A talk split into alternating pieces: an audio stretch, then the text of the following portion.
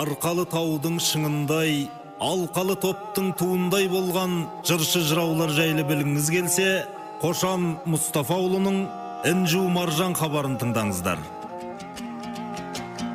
Күлдір күлдір кіснетіп күреңді мінер мекен біз күдерден тағы орынбай шашубай сендер өзен басындай. Ағытыңдар өлеңді жазғы нұрғы тасқындай. Нартайкенен нұрлыбек маясар ат жақсыбай. Өлең жүрді дүрілдет сөздеріңнің күшінен. Жау жүрегі түршіксін жырларыңды естіген дос құмардан бір шықсын. Ей ей ей ей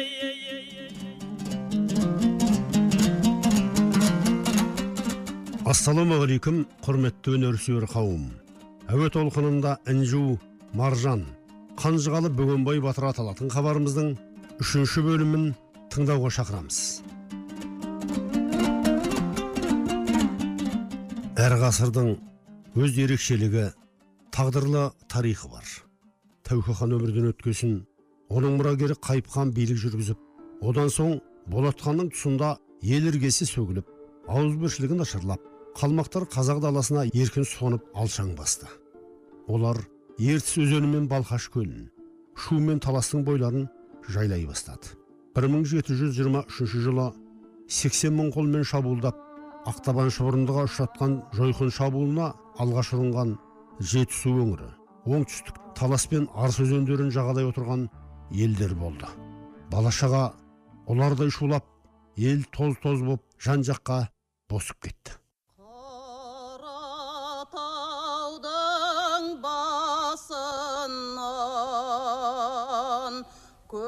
Қош келедің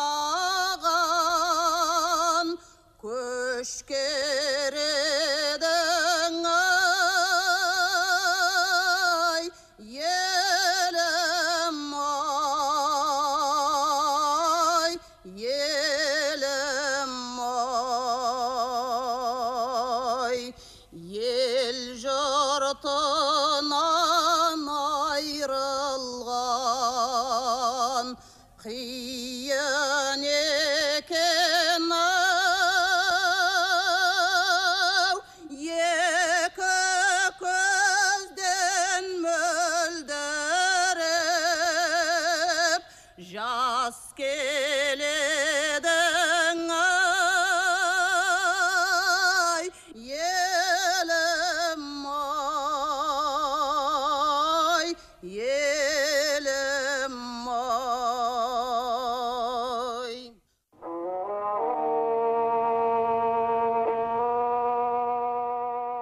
жабы болған жабыдай саяқсып жүрген халқым-ай руға жүзге бөлініп шашырап кеттің тардай қамшының қысқа сабындай мерзімі шолақ ғұмыр-ай баладай аңқау халқыма жар бала көр уа құдай деп күйінген қанжығалы бөгенбай сол уақытта қырықтың қырқасынан жаңа асқан еді. Қазақ тарихын індете зерттеп қаншама кітап шығарып бүгінде атағы алтатанға жүк болуға жарап қалған қазақстан республикасы ұлттық ғылым академиясының корреспондент мүшесі. Әл фараби атындағы қазақ ұлттық университетінің қазақстан тарихы кафедрасының меңгерушісі тарих ғылымдарының докторы. Профессор кәрібаев берекет бақытжанұлына арнайы барып ұлтының болашағы үшін қан төккен бөгенбай батыр жөнінде әңгіме қозғадық.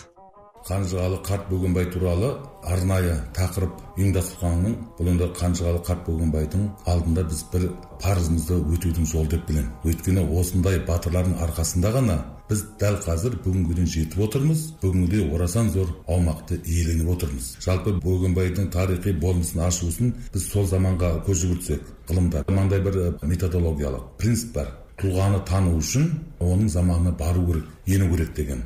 Сол кезде бөгенбайдың заманы қандай болған қарап отырсақ бөгенбайдың туған жылы қайтыс болған жылы белгілі бір мың алты жүз сексенінші жылы туып бір мың жеті жүз жетпіс бесінші жылы яғни тоқсан бес жыл өмір сүрген қарт бөгенбай деген атақ алған аттан түскенге дейін былайша айтқанда еліне қызмет етуін тоқтатпаған жаудан қорғаған кек алған дегендей және хандардың жанында кеңесі болған ал енді осы бөгенбайға дейін және бөгенбайдан кейін батырлардың қатары сиреп кетті дейтін болсақ бұл тікелей біздің мемлекетімізбен байланысты мынандай бір заңдылық бар кез келген қоғамда орталық билік өте мықты болса күшті болса қоғамда тыныштық орнайды сыртқы жаудан ешкім кіре алмайды шекараны бұза алмайды ал неғұрлым орталық билік әлсіз болса онда сыртқы төрт құлаң дейді ғой төрт жақтағы жаудың бәрі сенің халқыңды жеріңді малыңды тонауға ұшыратады біз дәл осы принципке келетін болсақ тәуке хан қайтыс болғаннан кейін бізде орталық биліктің әлсіреген ә, үш жүзге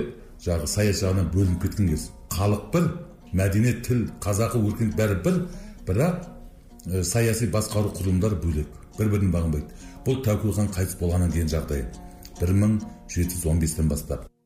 Берекет мырза 1640 жылдарға жоңғар шапқыншылығы одан кейін де қаншама шабуылдар болып жатты. Бірақ тәуке ханның тұсында қазақтың басы бірігіп тойтарыс беріп шашырай қоймады. үш жүзге бөлінгесін ақ ақтабан шұбырындыға ұшырап берекесі кетті. Әсіресе бізге ашық соғысқан шығыстағы жоңғар. Бейшара оларды да қытай қысып келе жатыр. Олар да көшпелі мал шаруашылығымен айналысатын ә, не баяғы ойрат одағы ғой оларға жер керек олар жайылым керек ал оны қазақтан алғысы келеді. Міне сөйтіп қазақ пен жоңғар қарым қатынасының ең бір шиеленіскен кезі осы кезең болды. Ал енді қараңыз орталық билік әлсіреген кезде сол биліктің атқаратын көп функциясы бар. Соның біреуін батырлар атқарған. Билік негізінен жерді қорғау шекараны күзету сияқты функцияларды атқарады. Ал билігің әлсіз болса оны кім атқарады? Оны сол халықтың ішінен шыққан батырлар. Сол батырлардың да рулық деңгейдегі тайпалық және бүкіл алаштық батырлар бар. Міне солардың есімдерін халық әлі күнге дейін естерін сақтап жатыр кеше кеңес үкіметі кезінде мысалы бөгенбайды дәріптеді ма дәріптеген жоқ. Батырлардың баяғы ә, таптық ә, көзқарас бойынша олар деген жаңағы ескіліктің сынығы деп көрінді сарқыншағы деп. Степан разин суворовтарды батыр деп біздің санамызға құйып өз батырларымыздан өзімізді жерткен заман ай десеңші. Сондықтан да осы бабаларымыздың мұрасын жас ұрпаққа жеткізуде жанкештілік танытуымыз керек деп ойлап отырмын. Ал қазір енді керісінше таптық ә, көзқарас принциппен кетіп азаматтық көзқараспен тарихқа қараған кезде көріне бастады кім қандай жұмыс атқарды бәрі дәріптелу керек. Хан да би де батырлар да ел үшін жер үшін қызмет істеген екен жанын бергендер. Міне солардың ішінде біз айтып отқан бүгінгі бөгенбайдың орны ерекше. Ұлттық батырлар хандармен қатар жүріп бүкіл қазақ әскерінің бас сардары сардарбек дейді ғой сондай дәрежеге жеткен адамдар. Маршалдардың маршалы деуге болады немесе генералиссимус деуге болады.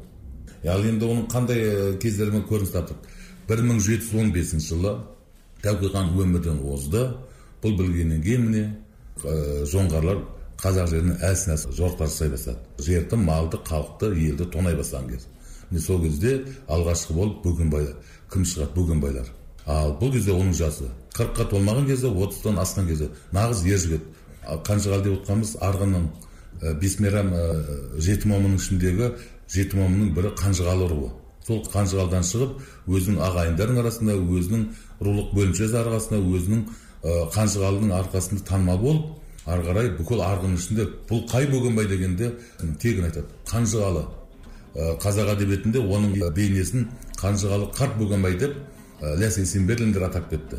Яғни сол кезде сол сексен асып тоқсанға жеткенше дейін әлі де болса қолынан найзасы түспеген адамдар екен. Беке өте жақсы тарихи мағлұматтармен дәйекті етіп түсіндіріп бердіңіз. Біздің батырларға олардың мінген аттарына дейін суреттейтін жырларымыз да барын білесіз енді осы жырдан тыңдарманға да бұрыңқырап отырайық. Республикалық жыршы термешілер байқауларының лауреаты аманқос садық мырза домбырасын қолына алып күтіп отыр кезекті соған берсек. Әй екінші көкше қызыл құдия біткен. Қармықын бөктерің септей кеткен қысқа мойын ұзын бас сүйріктей боп көзі жайнап аузынан көбік төккен. Жарғабақ қара торы қыр мұрынды қайқы төс өткір сөзбен сал берінді. Әй мұнда да сауыт сайман бәрі түгел ұрзанған өне бойы көк темірді. Бұл адам байғозыдай батыр еді. Тарақты тұқымынан ей шыққан асыл еу шыққан асыл ел ай үшінші қара қират келген қайғы. Сырты қысқа болса да бауыр жалпақ ауыздықпен алысып басқан талтақ ақсары қызыл жырай толып келген үстіне көк темірден сауыт киген. Асынған қару жарақ белде земзер бұл адам мәмбет толып батыр атан ертістен ауып қашқан қалмақ еді ой шабуға кеу қуып келе жатыр еді бөгенбай төле биге амандыққа көп қолды кейін тастап келіп еді бақташылар бұларға кеп сәлем берді амандық қал жағдайын сұрап білді бөгенбайды сабалақтың естуі бар жол бастап биге алып келді төле биде отырып қонақ болды жиналған халыққа да орта толды үш күн бойы төле би жібермеді қонақтар батырларға ай бес ойды о бес ойдың не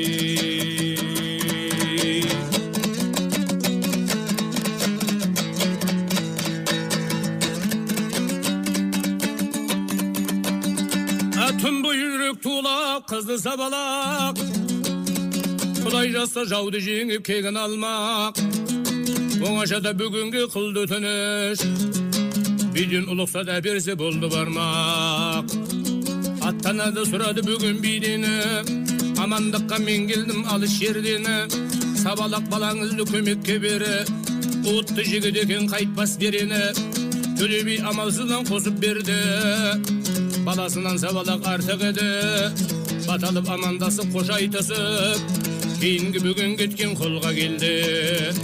Әй бөгенбай төле биге қайтып келіп мақтады сабалақтап алғыс айтып тегін бала демеңіз таза сақта. Жүрген шығар өзіңізді сырын біліп қалмаққа аттаныстан бұл қалмасын. Осындай күш көрсетер ер қалмасын. Ұлықсат бер балаңызды келер жылы қазақ елі үш жүз түгел түгел бармақ.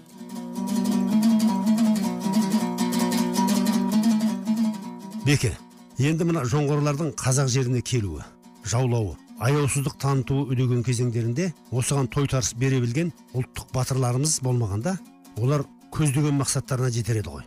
Енді нақ жорықтарына ерліктеріне келетін болсақ қазақ үшін өте бір сын болған кез бір мың жеті жүз жиырма үшінші жылғы нелер. Жоңғарлар дегенмен де жойқын жорыстады өз мақсаттарына бірталай жетті деуге болады. Бірақ толық қазақ жоя алмады қыра алмады. Өйткені осыны бөгенбайлар бастаған қазақ батырлары тосқауылдар беріп отырды жауды шегіндіріп отырған. Ал одан кейінгі қалмақ қырылған бұлант өзені бойындағы одан кейін аңырақай шайқасына дейін бөгенбайды бүкіл ел білген. Қол бастаған жағы ерліктерімен қолбасшылық қасиеттерін танытқан және 29 жыл немесе 30 жыл болған ордабасыдағы жиыннан кейін әбілқайыр бүкіл қазақ әскеріне жаңағы қолбасшылық жасаса бас сардарбек болып осы қанжығалы бөгенбай тағайындалған екен. Бұл бекерден бекер емес. Яғни оның оған дейінгі бүкіл өмір жолы осыған алып келіп отыр ал 30 жылдан кейін сол кездегі аңырақайда ұлы жеңіс одан кейін жауды жеңгенде бөгенбай бүкіл әскерге бас қолбасшылық ә, атқарған беке біздің қонақта жыршыларымыз да бар өзіңіз білесіз келесі жыршымыз қазақстанның еңбек сіңірген қайраткері ахан әбдуәлі мырза жырды жалғастырады ал ақтуды бөгенбайға әкеп берді. Қараңдар қасиетті бөгенерді мойнына кісен салып ту көтеріп бөгенбай зарлықпенен еңіреді. Айдынды ту әркімді қыздырады. Ер бөгін туға қарап зар жылады. Өз өзінен қозғалып сонда ақту желпініп көкке қарап созылады. Айыр айтты ей тыңда сөзді. Бұрынғы толқудан түрін бұзды тілесең рұқсат беріп жіберемін шырағым басы көрме жаман ізді жолықпа ақ безелген елге бекер ерлерге жақсылық жол шындан екер біреудің қызықтырған бөз сөзіне қызығып жастықпенен ерме бекер түсірсің арамдық пен назалыққа баста жаным тазалыққа біреуге бейкүнәдан тиісемін деп жолығып жүре көрме тек шақшұққа бұл жолдан аман қайтсең елін көріп біреуге қыздыр менен кетпей еріп жерінде жолға жүрген кімде болса құрметтер жөніңді айтсаң сыйын беріп жарар деп батан алып жүрмек болды бастайы дүйсенбіде шығар жолды. Жүк артып төрт түйеге қосын теңдеп бұл жолға аттанғаны он бес болды. Бекерге жүріп алмай тез қайт жаным. Таяу тұр барқыт белде жаудан мәлім. Ер кетсе ел иесіз болады деген ойлаңдар қайда жүрсең елдің әлін. Жөн тартып дүйсен бүгін жүріп кетті. Көрмеген бұрын сырды туып сірә көргендей қара мысқа келді тура. Қарауыл бір кезеңнен тартып еді. Бұл жердің байқап білді ені қысқа. Бар екен көкше мұзы жалғас біткен. Сол мұзбен өтеміз деп жүріп кеткен. Екі күн тынбай жүріп мұз үстінде. Ақыры сырдариядан әрмен өткен. Ар жаққа шығып алып тікті қосын ел жөнін байқамай ақ келген тосын екенін қайсы бір ел қайдан білсін деген ақ жалғыз айтар қазақ болсын үш күндей арғы жағын аралады ешкімге байыз қылып қарамады бір қалың бір төбекте жылқы жатыр үйдегі айтқан сөзді санамады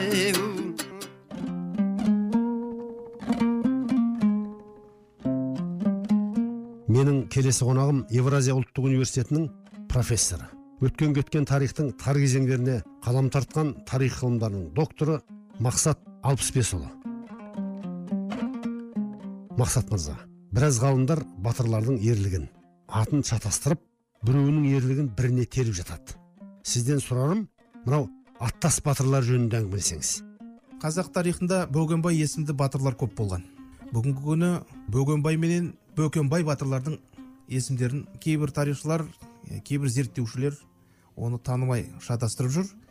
Енді бөкенбай батыр деген орта жүзде де болған кіші жүзде де болған. Орта жүздегі бөкенбай бозғозыұлы ал ә, кіші жүзде де бөкенбай батыр бар. Екіншіден бөгенбай есімді батыр бір қанжығалының өзінде екеу. Мысалы жырға айналған бөгенбай батыр ол бөгенбай маянбайұлы ол да қолбасшы болған ол ірі батыр. Оның жасаған заманы шамасы тәуке оның бабалары есім хандардың заманына кетсе керек.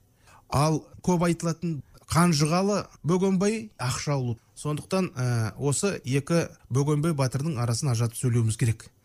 Бөгенбай ақшаұлы біз әңгімелеп отырған олжабай батырдың үзеңгілес досы болған. Жасы жағынан олжабайдан ересектеу. Олжабай батыр қалмаққа барған жорығында қалмақ қонтайшылары олжабайға құрмет қылып оған лаба лағба деген есімді екі қалмақ қызын берген. Сонда мәшһүр жүсіп көпейлдің шежірелерін әңгімелеуі бойынша олжабай батыр келгеннен кейін осы олжаға алынған екі қалмақ қызының біреуін өзінің досы бөгенбайға сыйға тартқан. Мына бөгенбайдың бүгінгі күні біршама ұрпақтары сол қалмақ әйелінен тараған ұрпақтар. Мысалы бұқар жыраудың толғауларында қаракерей қабанбай қанжығалы бөгенбай шақшақұлы жәнібек қаз дауысты қазыбек орта жүзге төрт түрек деген сөз. Осы сөзді мен тарқата келе мынадай қорытынды жасадым. Бұл жер қорғау мәселесінде қай бір мемлекетте болмасын оның төрт тарауы болады. Яғни оңтүстігі батысы шығысы солтүстігі. Осы төрт түректеп тұрған мәселе менің түсінігімде. Орта жүздің күнбатыс жағындағы бетіндегі сарбаздарға қолбасшылық еткен үлкен бүгінгі күннің түсінігімен әскери маршал деген мағынадағы адам ол шақшағұл жәнібек болса керек. Ә, күн шығыс бағытындағы сондай үлкен әскери шенді адам абылайдың бұл қаракерей қабанбай болса керек. Оңтүстік бағытындағы қаз дауысты қазыбек би.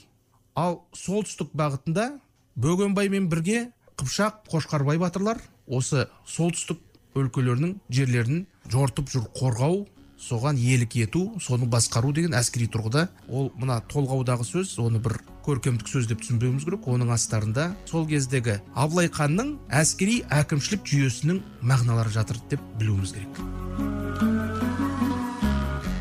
Мәке орта жүзде төрт түрек дегенде бекер айтпасаңыз керек. Кейбір деректерде бес тірек деп те айтылады. Енді осындай ауыр жаугершілік кезең бүкіл қазақ баласына қазақ даласына ауыр болды. Қаратаудан ауған елдің көшін ұйымдастырып жауға тойтарыс беру ісінде билеріміздің әсіресе әз төле бидің еңбегі ерен болды. Қазыбек билер азаттық күрестің ұйымдастырушыларына айналды. Ұлы жүзде батыр көп қой келдісі жалғыз. Төле биі бірегей. Төле би келмей жүріс жоқ қой келді келмей ұрыс жоқ деген сөзді қаз дауысты қазыбек осы бір кезеңдерде айтқан еді. Осыған орай осы жерде елді ауызбіршілікке шақырған топтастырған төле бабаның толғауын орындаудың реті келіп тұрған сияқты. Қазақстанның халық әртісі мемлекеттік сыйлықтың лауреаты актер жырау сәбит оразбай ағамыздың орындауында осы толғауды тыңдасақ.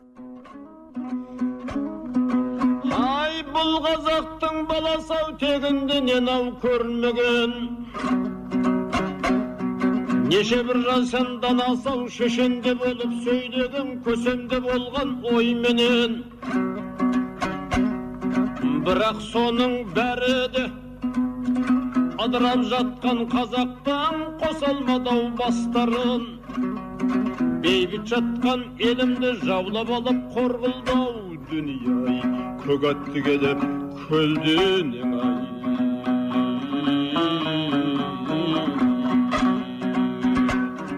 мен боламын дегендер ақтамады ау сенімді көкірек қаққан хандарым лауазымға ау таласып быт шыт қылды ау елімді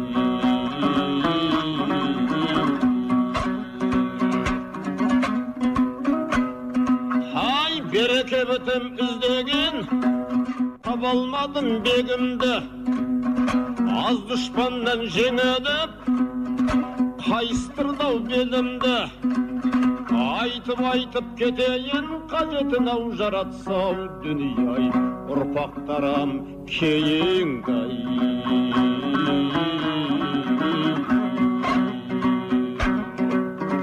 тегімді менің сұрасаң дулаттан тарап үрбіген жаныстан шыққан төледім араздасқан ағаны тату етсем деп едім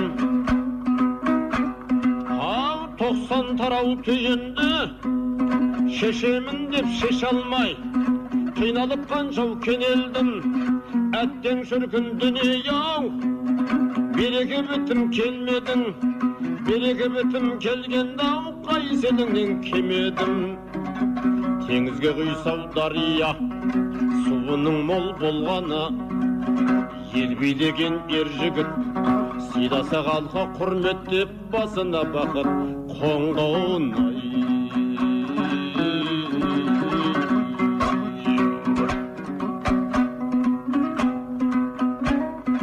ау тамыры терең қаремен қасқая күтір дауылды ақылды шешен сөйлес ау қаратар түгел қауымды береке бітім ел болса барлығы түгел бауырды батырыңдау жырлап өт ұрпағыңа өнеге ет жер қылып жеңсау жауыңдай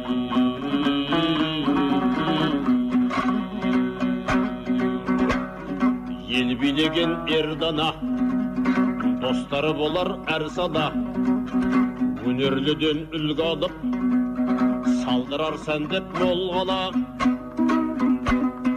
ау астыңа берсе алтын тақ еліңнің саған сенгені береке бітім жолын тап көштің бетін баста деп қолыңа тізгін бергені білімді мен дос болсаң қиялыңды қозғайды ой өрісі тар жігіт ой өрісі тар жігіт ауылдан асып озбойдай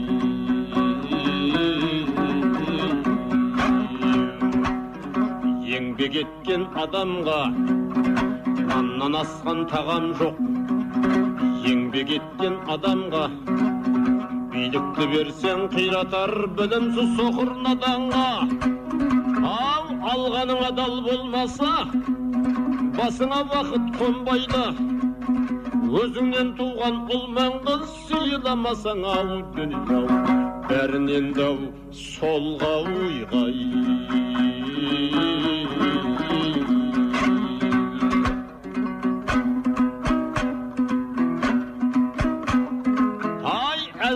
тәукенің кезінде қазақтан шыққан асылдар әйтекең мен қазыбек өнеге болар ұрпаққа уәділін айтқан ередің терезем тең боп солармен осынау үлкен өлкеде қызмет еткен мен едім әттең шіркін дүние ай береке бітім келмедің береке бітім келгенде қайселіңнен кемедім дастарханым дариядай шағым достау жайылған. Етек жеңім кең едің. Ай опасыз жалған дүние. Сексеннен асып қартайып жүре алмай тұрған шағымда ой қайдасың төді ау демедің ай?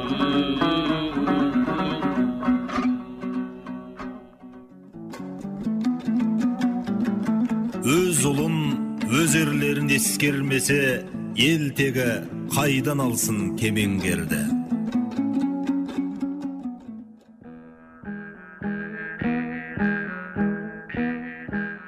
Менің келесі қонағым бөгенбай батырдың табанының таба қалған өңірдің азаматы. Қазақстан жазушылар одағының мүшесі қазақстан республикасының еңбек сіңірген мәдениет қызметкері. Баянауыл ерейментау аудандарының құрметті азаматы. Павлодар облыстық ақбеттау журналының редакторы сайлау байбосын.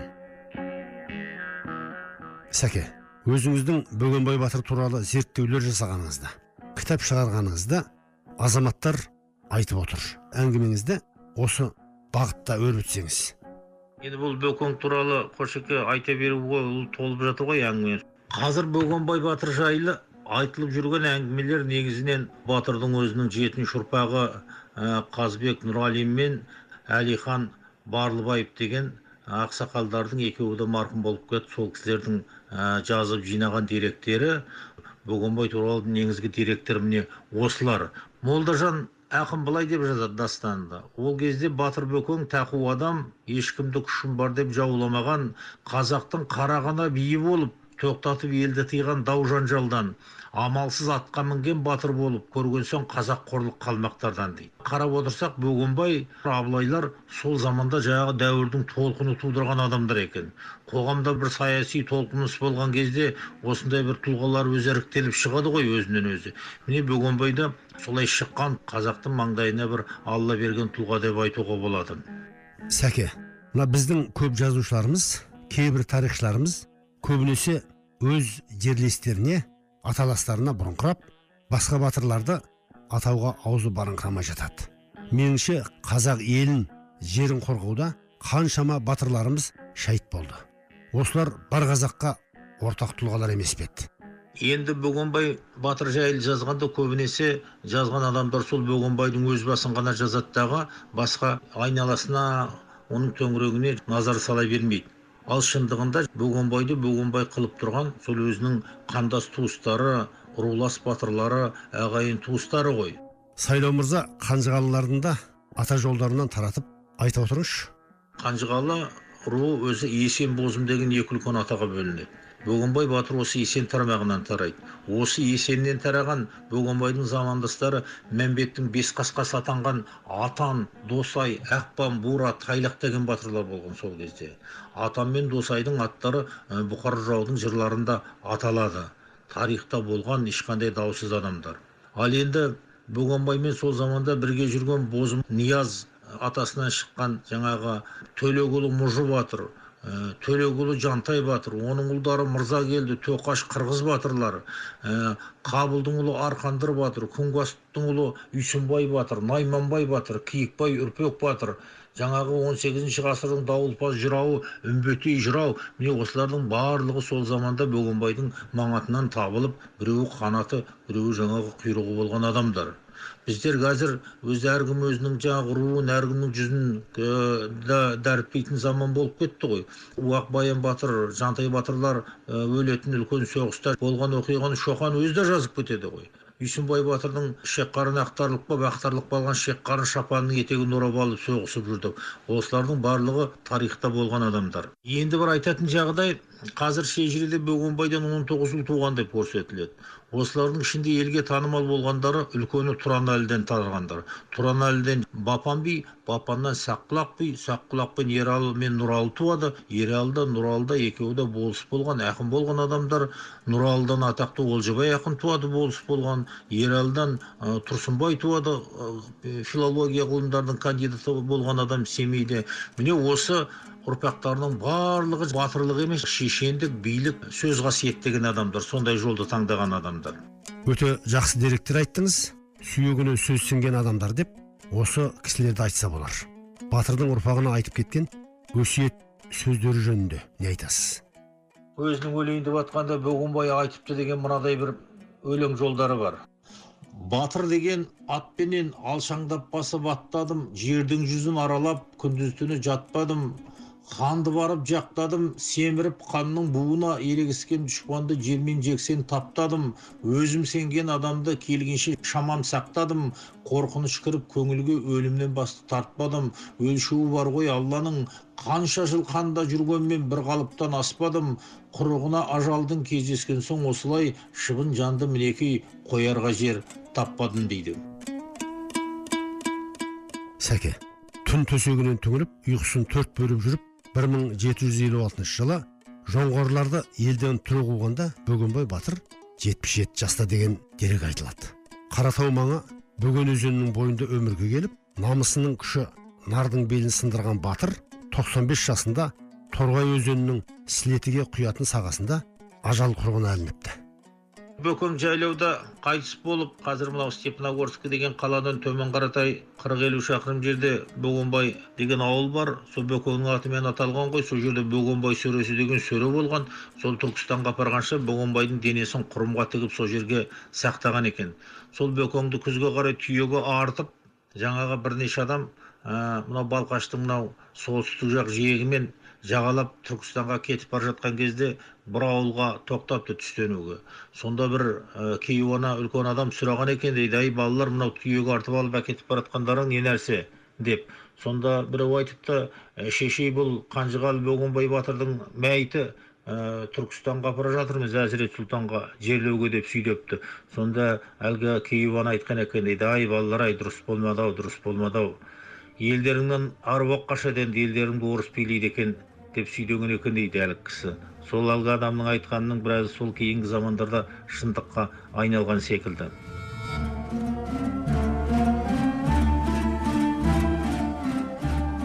Қанжығалы бөгенбай батыр аталатын хабарымыздың үшінші бөлімін осымен түйіндедік. Қатысқан қонақтарымыз академик кәрібаев берекет бақытжанұлы тарих ғылымдарының докторы мақсат алпысбесұлы жазушы сайлау байбосын жырды орындаған жыршылар. Аманқос садық ахан әбдуәлі. Қазақстанның халық әртісі жырау сәбит оразбай. Хабардың авторы әрі айтаманы халықаралық жамбыл жабаев атындағы сыйлықтың лауреаты қошан мұстафаұлы. Әуенмен әрлеген қайсар тұрмағанбетұлы. Әуе толқынында келесі тілдескенше бас аман бауыр бүтін болсын ағайын